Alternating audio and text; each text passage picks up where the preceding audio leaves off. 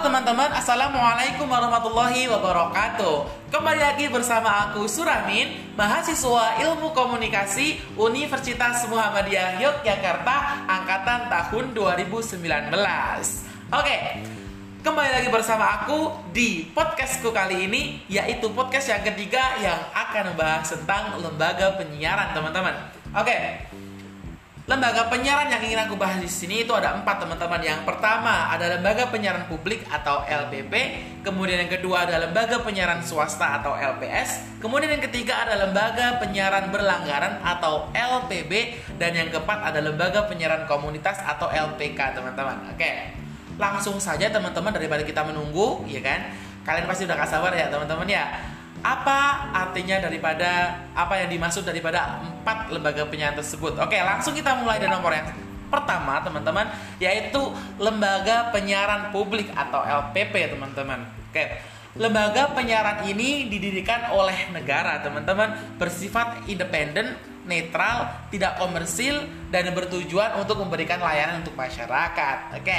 Nah, lembaga penyiaran publik ini contohnya adalah Radio Republik Indonesia atau RRI, kemudian Televisi Republik Indonesia atau TVRI dan juga LPP lembaga penyiaran publik lokal yang didirikan di provinsi, kabupaten maupun kota, teman-teman. Nah, umumnya siaran ini bisa diterima secara tidak berlangganan atau free to air melalui sistem terestrial. Nah, Siaran LPP ini menjangkau seluruh wilayah negara Republik Indonesia, teman-teman, secara berjaringan dengan stasiun-stasiun penyiaran lokalnya. Nah, kemudian yang kedua, teman-teman, itu ada lembaga penyiaran swasta atau LPS. Nah, lembaga penyiaran ini didirikan oleh Badan Hukum Indonesia untuk bersiaran radio atau televisi dengan tujuan komersil, teman-teman. Nah, umumnya siarannya bisa diterima secara free to air melalui sistem terestrial, teman-teman. Nah, siarannya itu dapat diselenggarakan secara berlangganan dengan LPS-LPS atau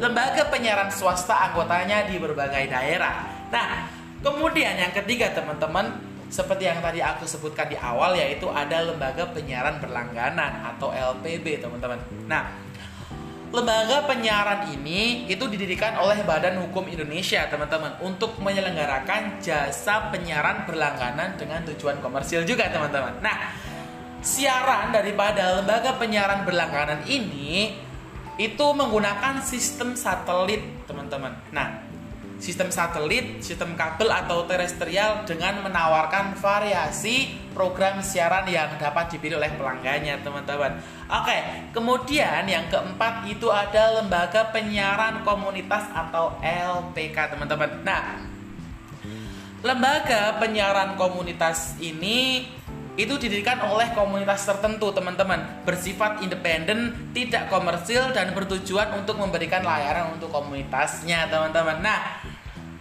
lembaga penyiaran komunitas ini itu dituntut atau sudah diatur tidak boleh apa namanya orientasi daripada siaran mereka itu laba. Jadi mereka tidak boleh mengejar laba dan lain sebagainya teman-teman. Oke teman-teman, itulah empat lembaga penyiaran di Indonesia teman-teman.